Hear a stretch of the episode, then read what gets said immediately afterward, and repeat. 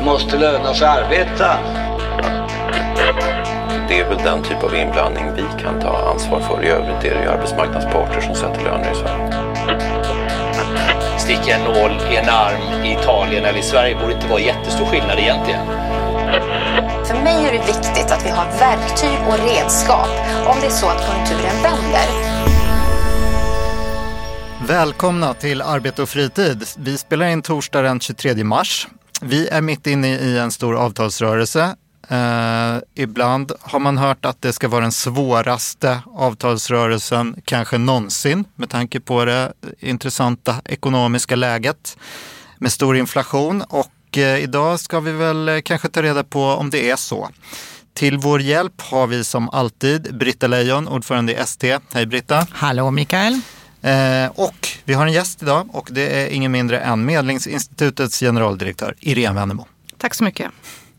Du Irene, eh, du får börja med att säga någonting om vad Medlingsinstitutet är för en myndighet. Ja, men det gör jag jättegärna. Vi är en väldigt liten myndighet och vi har som uppdrag att verka för en väl fungerande lönebildning. Och det är väl kanske därför jag är här nu och verkar för det.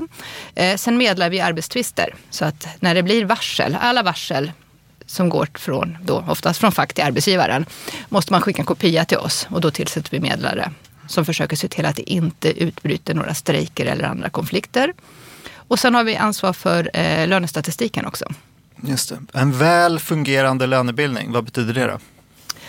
Ja, nej men det, man kan säga så här att eh, det är något man kan diskutera. Men det som är liksom vår uttolkning det är ju att eh, så mycket fred, så mycket arbetsfred det går plus eh, att lönerna då ska liksom utveckla sig på ett sätt som är välfungerande för Sverige. Och då har liksom den, den, praktiska uttolkningen av det, det är att vi verkar för att det som är industrins märke också blir märke för resten.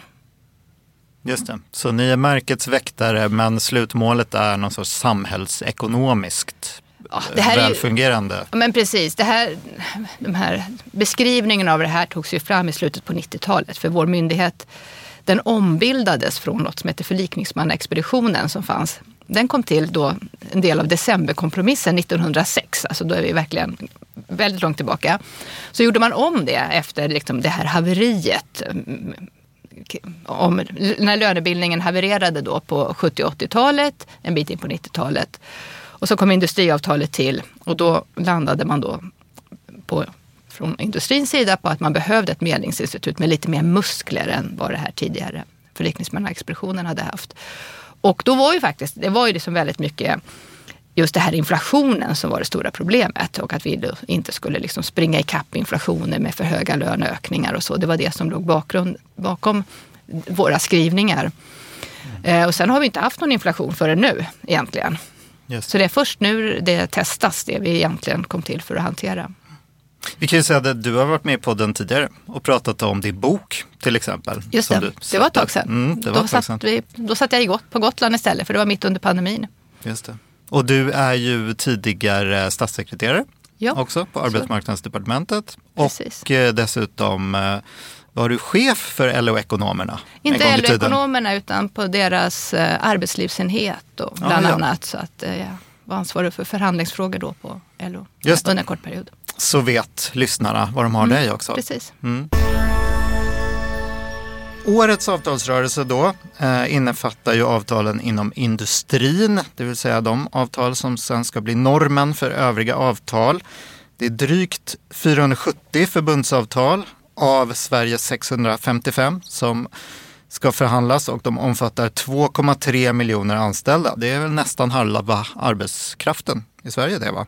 Eh, och de flesta av de här industrins avtal löper ut den 31 mars. Så det är ganska, vi är ganska aktuella i den här podden får man säga.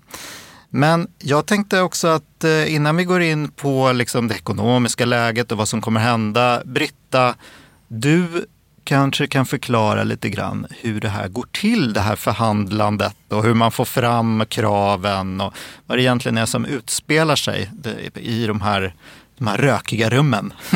vad som utspelar sig i de numera förhoppningsvis inte så rökiga rummen. Eh, det kanske jag inte är jättebra på att prata om. Det kanske Irene kan prata mer om, men jag vet inte.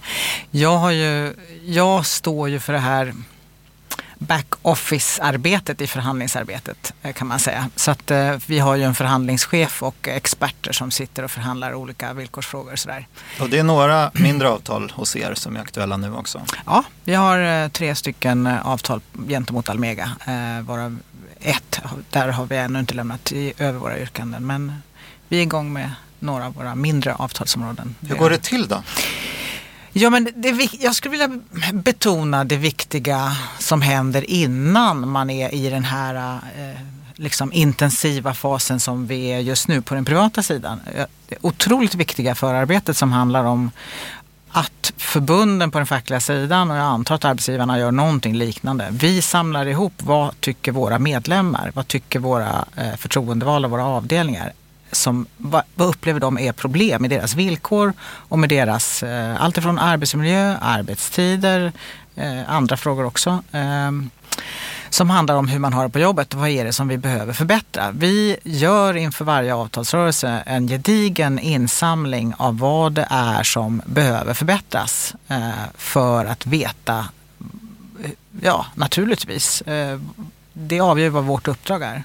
Och sen så har vi ju naturligtvis en lång eh, i, alltså det, vi förhandlar ju sällan själva, vi förhandlar ju oftast tillsammans med andra förbund och så det, den verkligheten lever ju de flesta förbund i. Och då betyder det att man måste liksom eh, samordna sig, kompromissa med de andra kompisarna. I vårt fall med ett antal eh, mindre förbund på den statliga sidan och officersförbundet och polisförbundet. Som också... Så det är en dubbel process. Först måste man ha en strategi för Först hur man vi ska veta vad vi tycker är de andra nej, facken. Nej, och sen nej, så ska skulle jag man verkligen då inte vilja säga. komma fram till någonting nej, men, som nej, kan nu tycker jag du liksom, eh, utmanövrera arbetsgivarna.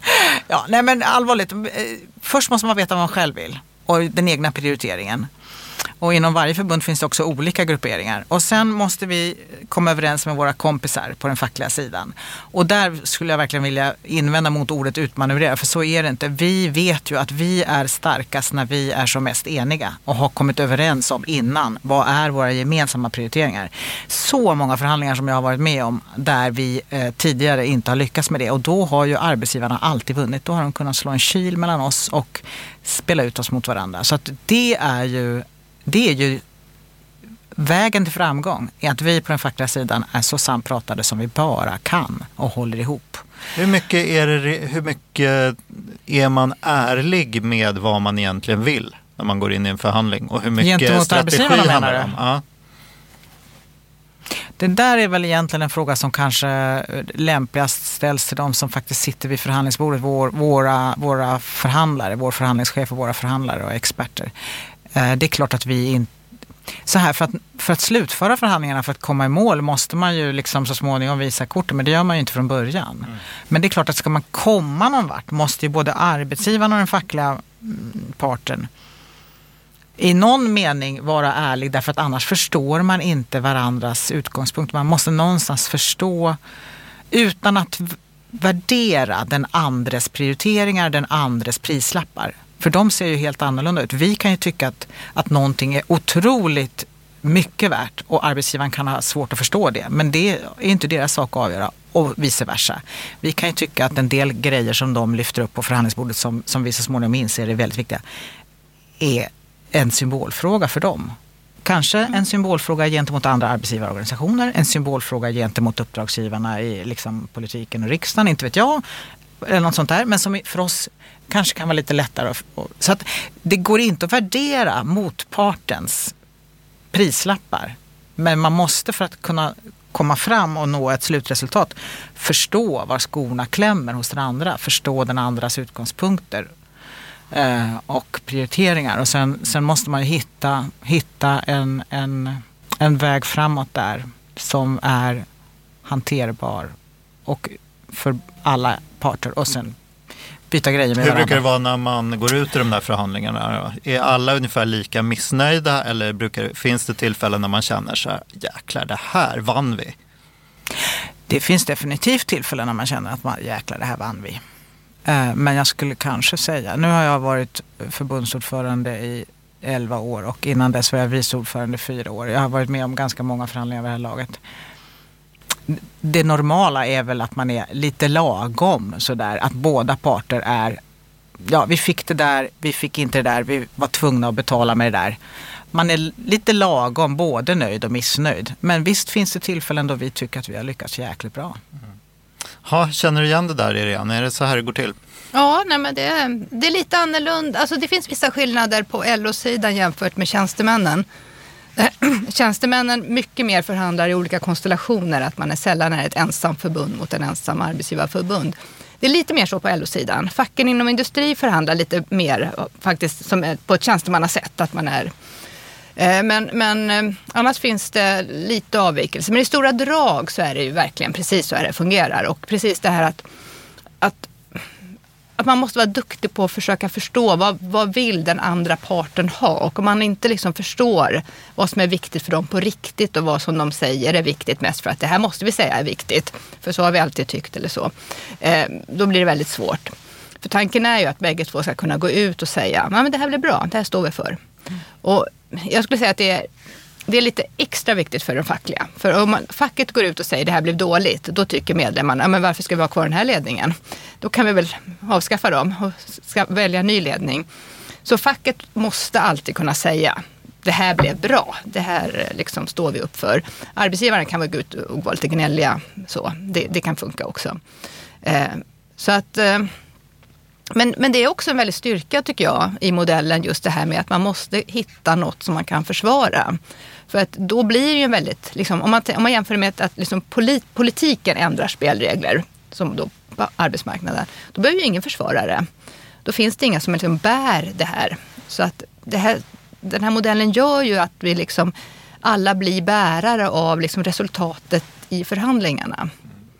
Ehm, för det mesta. Sen finns det undantag förstås. Men i stora drag så är det så det fungerar.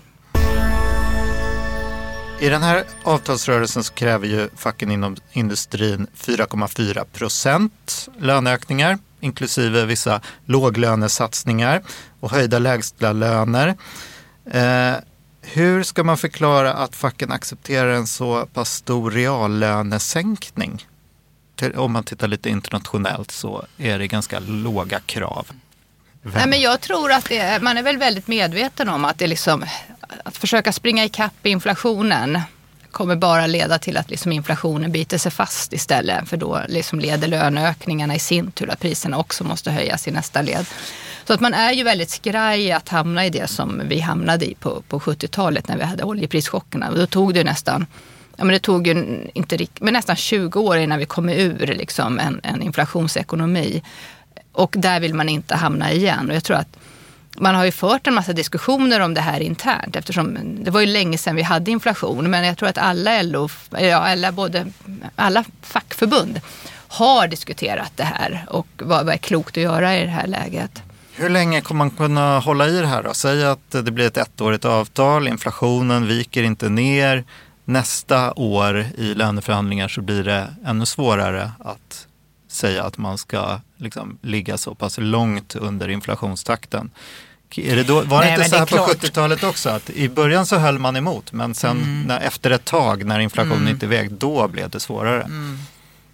Eh, Jag kommer inte ihåg hur det var på 70-talet men, men det är klart att om, om den här inflationstakten håller i sig eh, så blir det ju, skulle jag vilja säga, omöjligt i längden att hålla emot så bra som, som man har lyckats göra hittills. Det mullrar ju i leden, det finns en enorm frustration, fullkomligt begripligt vid fikaborden och, och ute på arbetsplatserna.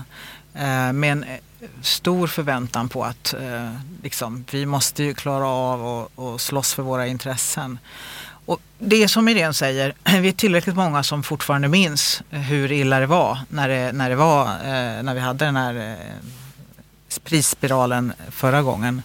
Eh, men det är väldigt många som inte var med Nej, då. men det är inte så konstigt för det var länge sedan. Ja, eh, och, och det är ju, det är ju inte, det är ingen lätt inre diskussion i många, det är många förbund som nu har väldigt mycket eh, liksom, jobbiga diskussioner in, internt, så är det. Kan man kalla det den svåraste avtalsrörelsen någonsin? Jag tycker vi alltid säger så. Ja, men jag den, vet. är svår, Nej, men jag- den är svår Ja, men den den här är- ja, gången. men eh, jag- svåraste vet jag inte. När jag blev Nej. generaldirektör så sa jag att jag inte skulle säga så eftersom det, det är så man alltid säger. Men sen kom först pandemin och sen kom det här och jag måste säga att den här typen av inflationschock är ju ändå det svåraste man kan råka ut för för fackföreningar. För det är liksom, det är ju en, det, det är ju eländigt på riktigt. Jag menar, sär- särskilt kombinationen av höjda priser och sen höjda räntor som ju slår rakt in i plånböckerna på, väldigt stora gru- grupper av löntagare. För de flesta har lån till sitt boende i alla fall. Så det är klart att det här är ju jättesvårt. Och samtidigt så vet man att springer man efter, liksom, det räcker ju att några börjar springa efter inflationen för då kommer, måste ju alla göra det. För det är ingen som vill liksom bli förlorare. När, och jag tycker ändå det är väldigt imponerande att vi inte har landat i att man på bred front Ja, liksom ja, har, ja, ja. kräver kompensation. För att liksom, börjar några göra det så sprider det sig direkt till allihopa. Mm. Nej, men jag måste säga att jag... Eh, eh, några på arbetsgivarsidan verkar ha förstått och några i politiken verkar ha förstått vilket enormt ansvar som, som nu liksom tas av de fackliga Ja. parterna här. Men alla verkar ju inte ha fattat det. Det är Transport som då har brutit den här LO-samordningen och kräver 5,5 istället för 4,4. ja. Gör det att... Jag tror att de ändå är ganska medvetna om att liksom, alltså jag skulle säga så här att dels, det finns ju två skäl till att man inte har krävt så mycket mer. Dels så vet man att det, liksom, att springa efter inflationen leder ju bara till ännu mer inflation eller liksom ännu längre processperiod med inflation. Men sen vet ju de flesta också att liksom, när vi har ett märke från industrin, då är det ju det som kommer påverka lönesättningen på alla andra förbund också. Och att få mer än märket när man, alla andra tycker att vi ska följa märket, både på arbetsgivarsidan, på den fackliga sidan och Medlingsinstitutet.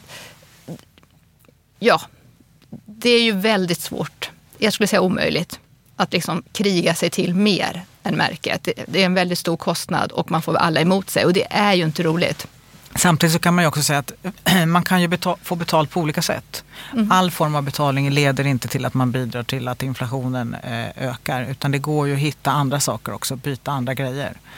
Eh, visserligen har de ett värde, självklart, men eh, i en, just en inflationsmiljö så går det ju att hitta andra grejer än bara liksom eh, Just det, och det där brukar man försöka räkna om va, till löneökningar. Ja, det man måste man ju naturligtvis göra. Och så vidare. Absolut, det måste man göra oavsett vad det är. Det gör man ju alltid. Så måste man ju, det måste man ju naturligtvis göra. Jag bara, bara säga att det, och det har ju också ja, även i andra länder funnits en del sådana liksom inslag i eh, att man har liksom haft, ja men allt från, vilket jag inte är så förtjust i, men ändå engångsutbetalningar Ja, det och allt har man ju haft i. Tyskland. Ja. sånt där. Så att, eh, Alla sifferlösa avtal då? Är inte de ett försök att liksom smita förbi märket? Hur ser ni på det där?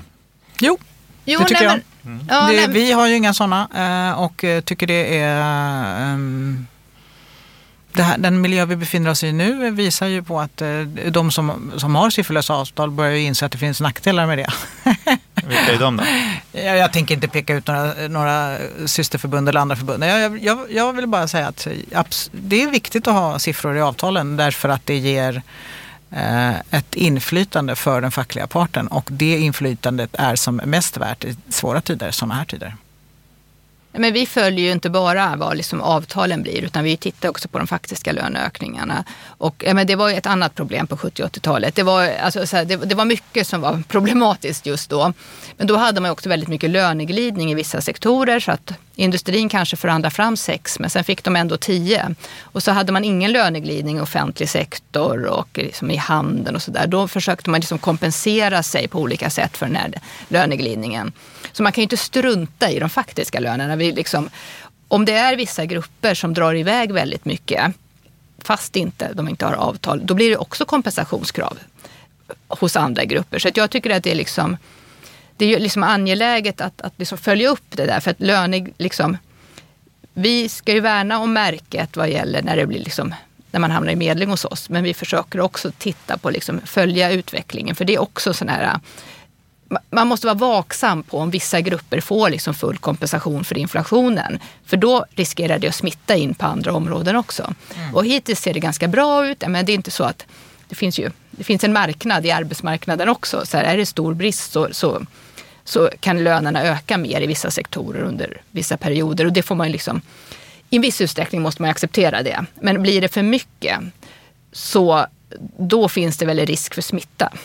Hur stor ska den där flexibiliteten vara? Nu kommer vi in på märket och ja. all kritik som har varit mot märket tänker jag kring att ja, men huvudkritiken är väl den att eh, ja, till exempel bristyrken inom vård och omsorg då inte kan skifta upp sina löner därför att man mm. ligger mm. under de här industrilönerna och därmed så får man öka den här bristen på personal.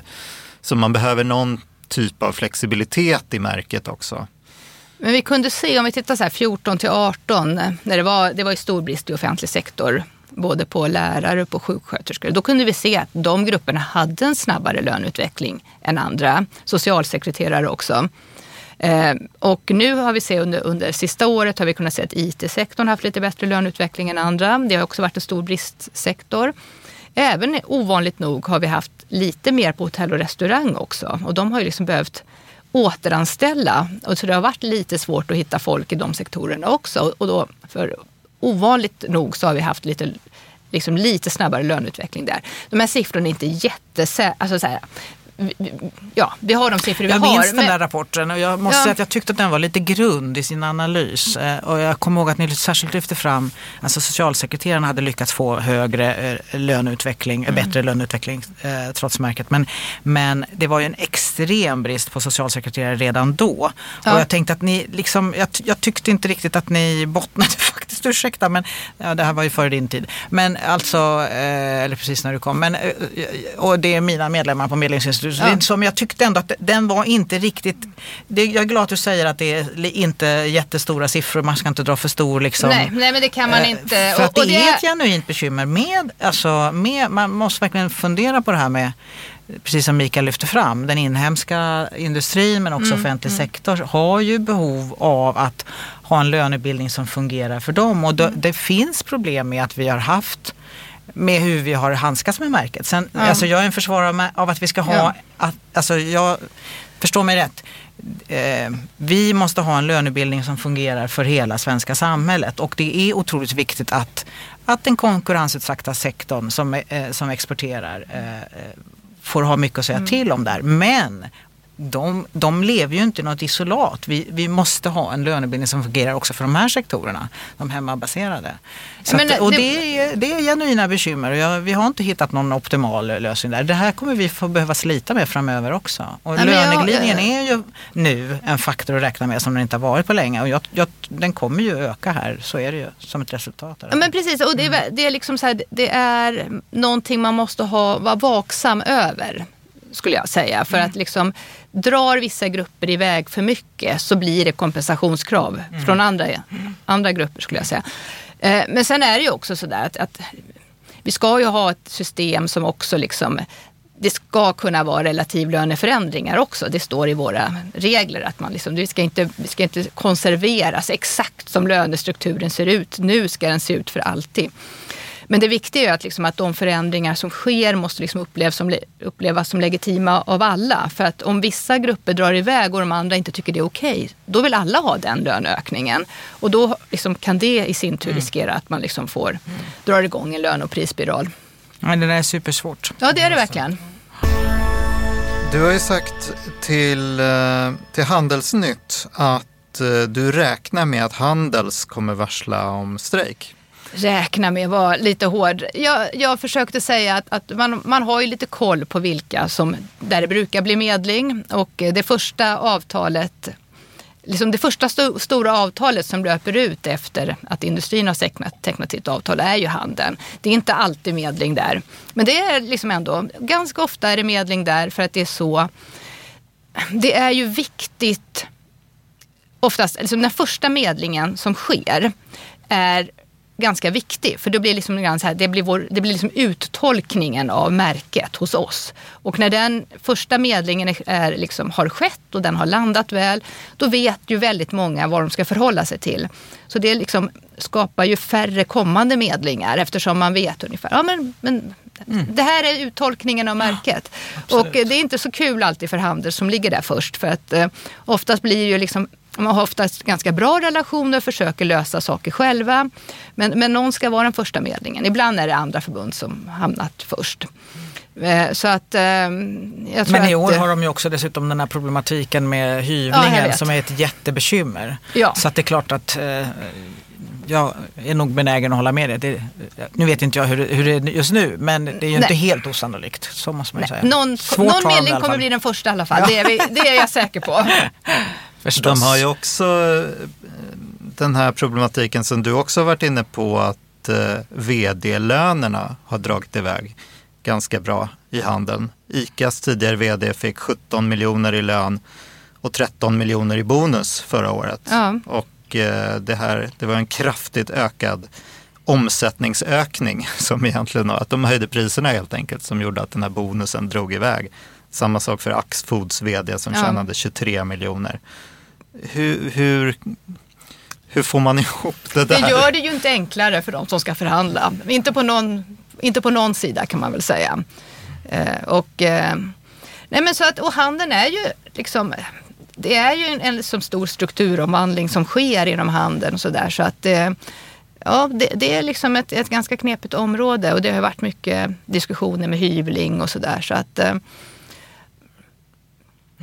Ja, de jobbar på förstås. Och det ska de ju göra. Och, och man har varit duktig ändå tycker jag på att, att försöka lösa saker. Jag hoppas de kommer så långt som möjligt i alla fall. För Annars- jag menar, även om saker hamnar i medling så är det ju viktigt att man liksom har förhandlat saker i botten först.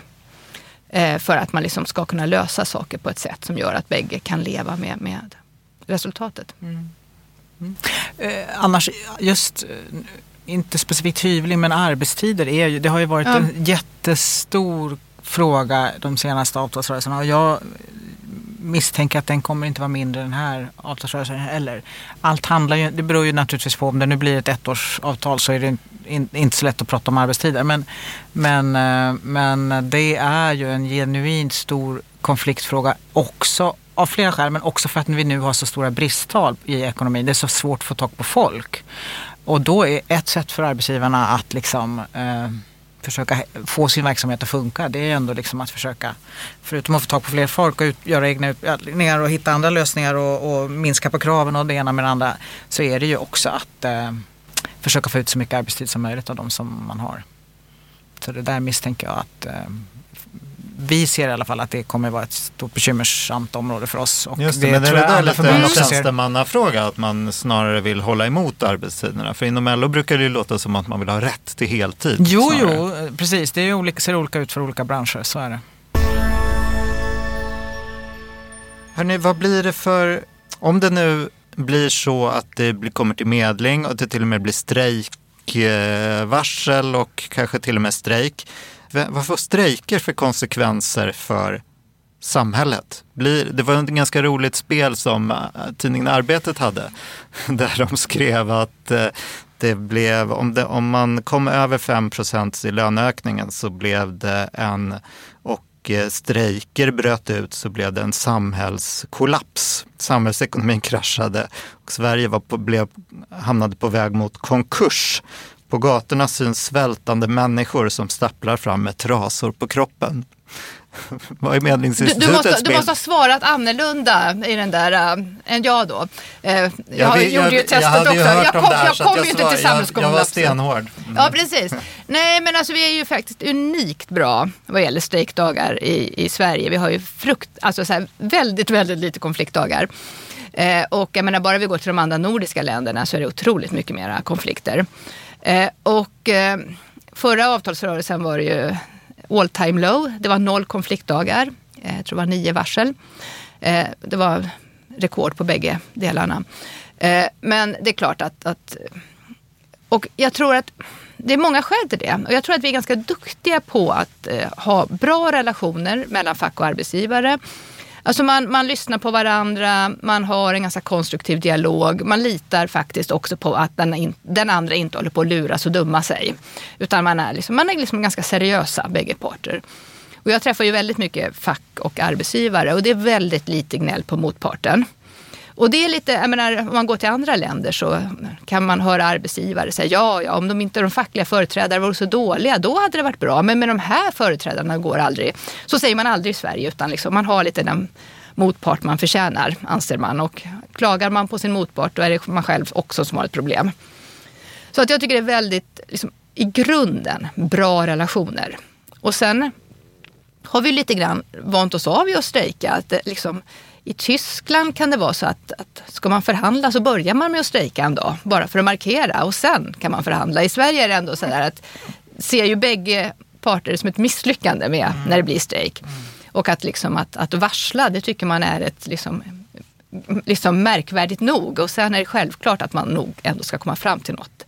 Varför är det så här då? Varför, var, varför är Sverige så speciellt och varför, är det, har det med att göra att vi ser strejk som någonting väldigt farligt eller ett stort misslyckande? Eller? Men jag tror att jag har liksom sakta har det gått åt det hållet. Eh, och att, eh, för att jag menar 70 80-talet var det mycket konflikter. Så det är inte så att vi, vi, vi vet hur man gör. Eller vi visste i alla fall hur man gjorde när man strejkade. Eh, och nu har vi gått mot en situation där vi liksom, ja, men försöker undvika det i möjligaste mån och försöker lösa saker liksom utan, att, utan att varsla. Jag menar, det är ju 650 avtal och vi fick, jag tror det var nio varsel. Det säger ju något om att i 641 fall så klarar man det här utan att varsla. Och så ser det inte ut i andra länder. Eh, Så att jag tror att det är lite vanesak, att man har respekt för varandra. Att man liksom, liksom ser det som sin plikt att försöka förhandla i botten innan man börjar fundera på strejk. Eh, Och att, eh, så att det är väldigt bra och det är lite unikt. Ja, Jag, jag, jag tycker jättesvår fråga att svara på. Jag tycker dina svar är, är, äger allra högsta grad giltighet tror jag. Sen sitter jag och funderar på om det inte, men jag misstänker att det också har med andra saker att göra. En, en sak som jag tror är viktig i sammanhanget är ju ändå att, att de svenska arbetsmarknadsparterna har ett väldigt stort ansvar. Eh, Mm. ett, och ett väldigt stort inflytande. Alltså eh, Ja. stor makt och, stort, och med stor makt följer också ett stort ansvar eh, på något sätt. Och det är ju, jag menar, det är ju inte riktigt eh, samma typ av eh, makt och inflytande i alla våra europeiska länder när det gäller fackens möjligheter att göra skillnad. Så att det tror jag har lite betydelse också. Men sen finns det säkert en del kultur, Mm. ap- apropå det här med att vänja sig vid eller hur man ser Ja. på Det konflikt. var ju intressant att vi skiljer oss otroligt mycket från resten av Ja. Norden. Som Ja, ni nej. visade på den här konferensen. Ja, att det var, vi är liksom eh, inte ens 10 procent av övriga Nordens eh, strejkdagar har vi i Sverige. Trots Vilken en mycket större arbetsmarknad. Vår. Vad sa du? Vi- Er, ja, Ja, just det. Medlingsinstitutets eh, Nej, men, konferens. och jag, vi, var, vi hade ett nordiskt eh, möte. Det har man ju alla konstellationer, även medlare, Riks, eh, medlingsinstituten i de nordiska länderna träffas. Eh, och det var slående liksom att man hade haft, man hade väldigt besvärlig situation vad gäller sjuksköterskor och lärare. Alltså kvinnodominerade yrken i offentligfinansierad verksamhet. Ah, och att det hade varit riktigt så här utdragna konflikter både i Norge och i Danmark med de grupperna. Och i Finland då hade det också liksom, ja, där hade man slutit något avtal där de per automatik skulle få 1% mer än alla andra, eller 1,2 tror jag det var till och med. Varpå alla andra hade ju då blivit galna. Eh, vilket ju man ju blir, om några bara ska flyta ovanpå. Liksom. Ja, så, där, så att Finland har jättestökigt. Och jag, och jag menar det här, lärarlöner och sjuksköterskelöner är ju inte enkla frågor i Sverige heller. Men, och det är inte så att, att alla är glada och muntra i de förbunden och tycker att de har rätt lön. Men vi har ändå lyckats hålla det på, hantera det på en annan nivå. Det har inte blivit stora konflikter. Alltså det här var, regeringen hade gripit in i Norge och liksom... Och regeringen Ja, så har ju gripit in i Finland också. Jag Ja, skulle vilja säga att man det- från politiskt håll har, har lagt sig i för mycket i Finland. Ja. Vilket har skapat jätteproblem faktiskt. Verkligen, och, och absolut. dessutom är det så åtminstone när vi pratar om, eh, och, och det gäller hela, i, när det gäller Danmark så kan jag inte den privata sektorn men däremot så är det ju så att där, det, danska, danska statens eh, finansminister är ju direkt med i förhandlingarna på ett sätt som inte Ja. vi har i Sverige. Det, blir, det stökar till det Ja, men det faktiskt. gör verkligen det. De har, haft fått, eh, ja, de har verkligen problem, Mm. speciellt med de här grupperna faktiskt. Återstår att se om det verkligen är kulturen som skiljer då, eller om vi bara ligger efter i tid. Jag tror att det är, det, är både, det, det är säkert kulturfrågor men det är också institutionella Ja, jag tror det. förklaringar. Hörrni, vad är det stora hotet mot avtalsrörelsen i år? Nej, men det är väl viktigt att man håller ihop tror jag på bägge. Alltså så här, äh, nu är det så här, inom, tjänstemännen brukar alltid, jag vet inte hur ni löser era interna stridigheter för ni har säkert sådana också. Äh, men de kommer inte oss alla andra till del. Äh, men, men jag tror att det är viktigt att man på LO-sidan håller ihop. Att man liksom inte splittras och börjar driva iväg åt olika håll. Men det handlar också om på arbetsgivarsidan. Det kommer ju vara jättesvårt för, liksom så här, att sätta ett märke i den här ekonomiska omgivningen. Det är ju jättesvårt. För jag menar, vad är rätt? Det vet vi inte. Det kan ändras imorgon kan man uppleva att det var galet att de hamnar på den nivån för att något händer. Men, men liksom, det skapar ju väldigt mycket stabilitet att ha ett märke satt. Eh, och det i sin tur är faktiskt bra för eh, liksom inflationsutveckling och sådär. Att man vet vad vi har framför oss. Så att på arbetsgivarsidan kan det också vara stökigt. Så det handlar ju också om att de också måste hålla ihop om att nej men det här, nu är det gjort. Nu ska vi leva med det här. Så. Eh, för börjar man liksom dra isär det här och, och lönar det sig liksom att eh, driva sin egen linje så finns det väldigt farliga tendenser med det i en sån här liksom, ekonomisk miljö. Är det inflationen som tänk- är det som riskerar att man inte enas på, på Äh. båda sidor då? Eller finns något annat? Det finns ju andra saker också. Men jag, jag håller med Irene. Jag vill bara lägga till att jag tycker att det finns ett annat stort hot mot avtalsrörelsen och att den liksom sköts på ett bra sätt.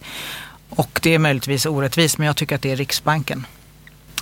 Riksbanken har ett enormt ansvar för att landa rätt i sina analyser och vad, och liksom, vad, vad, vad beror inflationen på och vad kan man liksom, vad, vad har Riksbanken för liksom, verktyg i sin verktygslåda för att försöka bidra till en sund ekonomisk utveckling framöver. Jag vet att de inte sitter på allt men jag, jag tycker att, eh, jag hoppas verkligen att, att den nya riksbankschefen eh, förmår fullgöra sitt uppdrag bättre än den förra.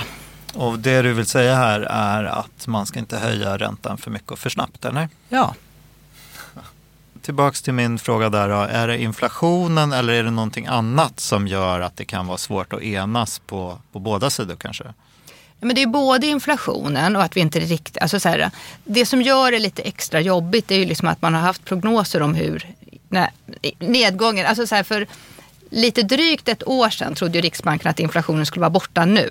Att den skulle, till- till december skulle den vara typ borta. Och vi är ju väldigt, den var ju en väldigt, väldigt fel prognos. Eh, men även nu är ju liksom prognoserna på att nej, men det kommer en nedgång snabbt. Och, nej, men, så att man kanske har och det här gör ju lite, skapar ju nervositet liksom, när prognoserna är ganska självsäkra på att det här är väldigt kortvarigt och så ser vi inte riktigt det kortvariga. Det gör ju att man blir Alltså jag, jag förstår verkligen om man blir nervös på den fackliga sidan för den här situationen. För det, det spelar ju väldigt stor roll. Om vi får en, se- ser vi en snabb nedgång nu så är det ju frid och fröjd. Men dröjer den så blir det ju, liksom, ju längre den dröjer desto jobbigare är det. Men för på arbetsgivarsidan är det ju mer den här, liksom, är vi på väg in i eh, liksom en djup lågkonjunktur? Hur är det med bankerna? Kommer det här sprida sig till andra banker? Hur negativa effekter får det? Så att det är ju liksom osäkert för bägge parter. Samtidigt är det sådär att ja, inget blir ju bättre av att inte eh, bli överens Nej. om en siffra. Nej, för att eh, det skapar ändå stabilitet. Men, men, men så att jag tycker man verkligen måste ha respekt för de som sitter i den här förhandlingen just nu. För det är liksom ovanligt eh, svårt att veta vad som är rätt nivå. Varför vill man ha så korta avtal? Är det inte skönt att få det här överstökat för några år? Ja men det är ju just för att det är så osäkert. Det är därför Ja. det är så svårt. Man vet ju inte liksom om man landar rätt. Och den osäkerheten delar ju alla parter. Liksom. Men man måste ändå, det är ändå ett beslut som man måste gå ut och försvara. Är det, jag skulle tycka det var skönt att bara, nu har vi tre år. Nu kör vi på det här. Ja, Då det vet jätte- alla det var inflationen jätteskönt. landar. Det är, Ja, men- det är tungt för samhällsekonomin att bara ha så här. Nu vet Ja, vi. det är klart. Är det, 3,7 procent som det gäller finns här mycket fördelar med liksom- långa avtalsperioder för då hinner man också prata om annat än lönenivåer. Sånt här som rör arbetstider och arbetsmiljö och andra mer som kräver längre tid för att man ska hitta lösningar. Men, men eh, eh, i det här läget går det ju inte att tänka långa avtalsperioder. Alltså det är, det är helt uteslutet med tre. Eh, fram tills nyss så var jag helt För att det skulle bli så svårt att försvara då? Nej, men därför att man inte om det, vet. Om inflationen vet fortsätter inte. då sitter vi här med våra 3,7 Ja, men vi vet eller? ju inte. Vi hade, åtminstone vi hade ju, vi, vi är precis, precis på väg ut ur ett treårigt avtal på, för mina statliga medlemmar. Och det kan jag ju säga att det där sista året vi hade förut, förra året, det var ju ingen av mina medlemmar som gjorde vågen inför de eh, nivåerna kan jag 1, säga. 1,8? Precis. Uh, för när vi slöt det avtalet, det, då låg vi, det var en helt annan ekonomisk miljö. Det blir så svårt att veta vad man... Det blir, så, det blir helt omöjligt att veta hur förutsättningarna ser ut om tre år. Vi, vi vet ju knappt hur det ser ut nästa vecka liksom. Så, eh, ja. men det finns fördelar med längre avtal, definitivt. Eh, men ja, i nej, det här men, läget så är det svårt. Precis. Industriavtalets idé är ju att man ska ha långa avtal. Men ibland har man har det blivit kortare. Eh, Så att eh, det är väl de här frågorna, precis det här man brottas med. Liksom. Hur, hur, hur långt vågar vi sträcka oss i det här osäkra läget? Finns det någon statistik på eh, om det lönar sig med långa eller korta avtal för respektive sida? Arbetsgivarnas hållning är väl lite grann att man får betala för att ge ett långt avtal. Det är lite så. Alltså, att liksom, fackets ingång är ju alltid att korta avtal är bäst. Samtidigt som det också finns ju en negativ sida som, som Britta. Man, man hinner inte liksom så här, man hamnar i ständiga avtalsrörelser och kan bara prata lön och inte andra saker. Men, men hållningen är ju lite grann att ett år är grunden och ska man Ska det vara mer så ska man också ha något mer betalt för det. Så är liksom, och då får ju arbetsgivarna deras företag tycker ju det är väldigt skönt att kunna planera för lång tid. Man vet var, liksom, så här, det finns ju en väldig uppsida med långa avtal. Men det här, i det här läget är det ju jättesvårt. Så är det ju bara.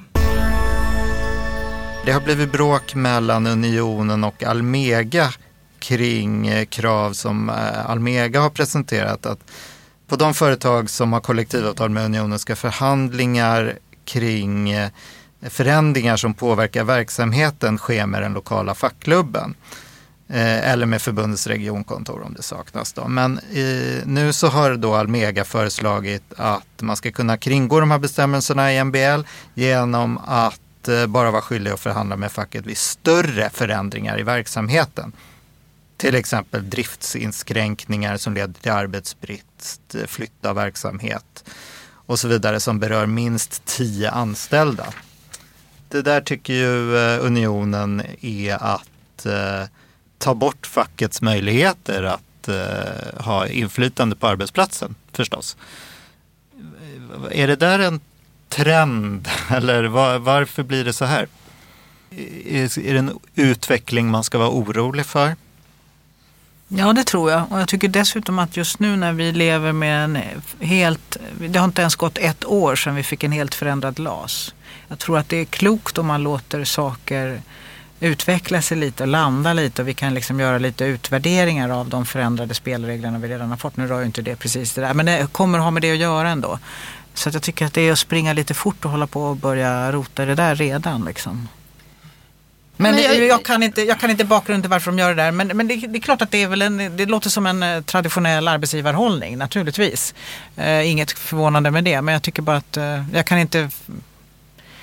Jag, jag är inte närmare insatt i varför det är så just nu. Men eh. Men man kan väl säga att rent generellt tycker jag att arbetsgivarna i, det, i den här eh, faktiskt svåra avtalsrörelsen inte har, de har varit duktiga på att inte skruva upp tonläget så mycket. Utan faktiskt, eh, ingen, alltså så här, facken skruvar inte upp lönekraven så mycket men de har inte skruvat upp tonläget. Vilket är lätt att man hamnar i liksom. Det är liksom konflikter på arbetsmarknaden, de, eh, det handlar ju inte bara om, om eh, strejker och sådär, utan det handlar lika mycket om att vinna någon slags slaget om verklighetsbeskrivningen. Och då tycker jag liksom att eh, man har faktiskt varit försiktig med att skruva upp tonläget. Och, men sen finns det lite undantag, men det är liksom det är väl bra att man inte försöker slänga in för mycket nytt som gör saker väldigt mycket mer komplicerat i en sån här avtalsrörelse ändå. Eh, så att Och det här All- var ett undantag från Men ett skruvat tonläge. Ja, men jag, så jag kan verkligen inte bedöma just den här frågan. Liksom. Men det är klart att, att ju mer sådana här frågor man bråkar om, desto liksom, svårare att bli överens om det vi verkligen behöver bli överens om. All right. Hörni, eh, nu var det slut på mina frågor. Är det någon fråga som jag har glömt att ställa? Som ni ville säga något om? Det finns ju hur mycket, det här är ett outtömligt ämne. Ja. Vi kan väl komma tillbaka när vi vet hur den här årets avtalsrörelse blev så kan vi försöka be Utvärdera Irene utvärdera det. Ja, och så kanske det ska vara någon arbetsgivarföreträdare mer också får vi höra vad de tycker. Men det, blir, det är en intressant avtalsrörelse. Nej, men jag är glad att du inte har ställt alla frågor du hade kunnat ställa, för då hade jag inte kunnat svara på dem. Men, men, eh, Bra. men som sagt, det ska bli väldigt spännande att utvärdera den här. Det är ju liksom, allt svårt ligger ju ändå lite framför oss, men, men liksom, vi hade kunnat vara i ett så mycket svårare läge nu ändå. Där ändå fack och arbetsgivare verkligen hade målat in sig i hörn. Det, liksom, det har man inte gjort, tycker jag. Bra hörni. Eh, Då så ska vi bara säga tack till Britta, tack till Irene för att ni var- var med i podden och eh, tack till eh, Henrik Andersson Fågel som klipper och fixa med ljudet. Och vi hörs igen om två veckor, sisådär. Stay tuned.